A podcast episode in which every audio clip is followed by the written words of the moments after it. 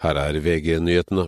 Fem personer er drept og 18 skadd etter et missilangrep mot den russiske byen Belgorod. Det sier guvernøren i byen, ifølge nyhetsbyrået Reuters. Det israelske militæret melder at deres jagerfly har truffet flere Hizbollah-mål i Libanon. Det melder Reuters. Samtidig sier Hizbollah at Israel har drept ti personer, inkludert fem barn, i går.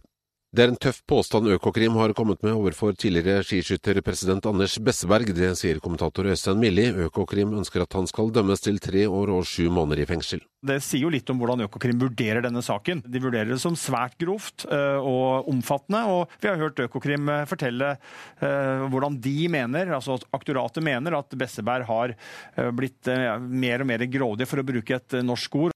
Høyesteretts ankeutvalg vil behandle selvplagieringssaken etter at en student ble frikjent for plagiat av Borgarting lagmannsrett.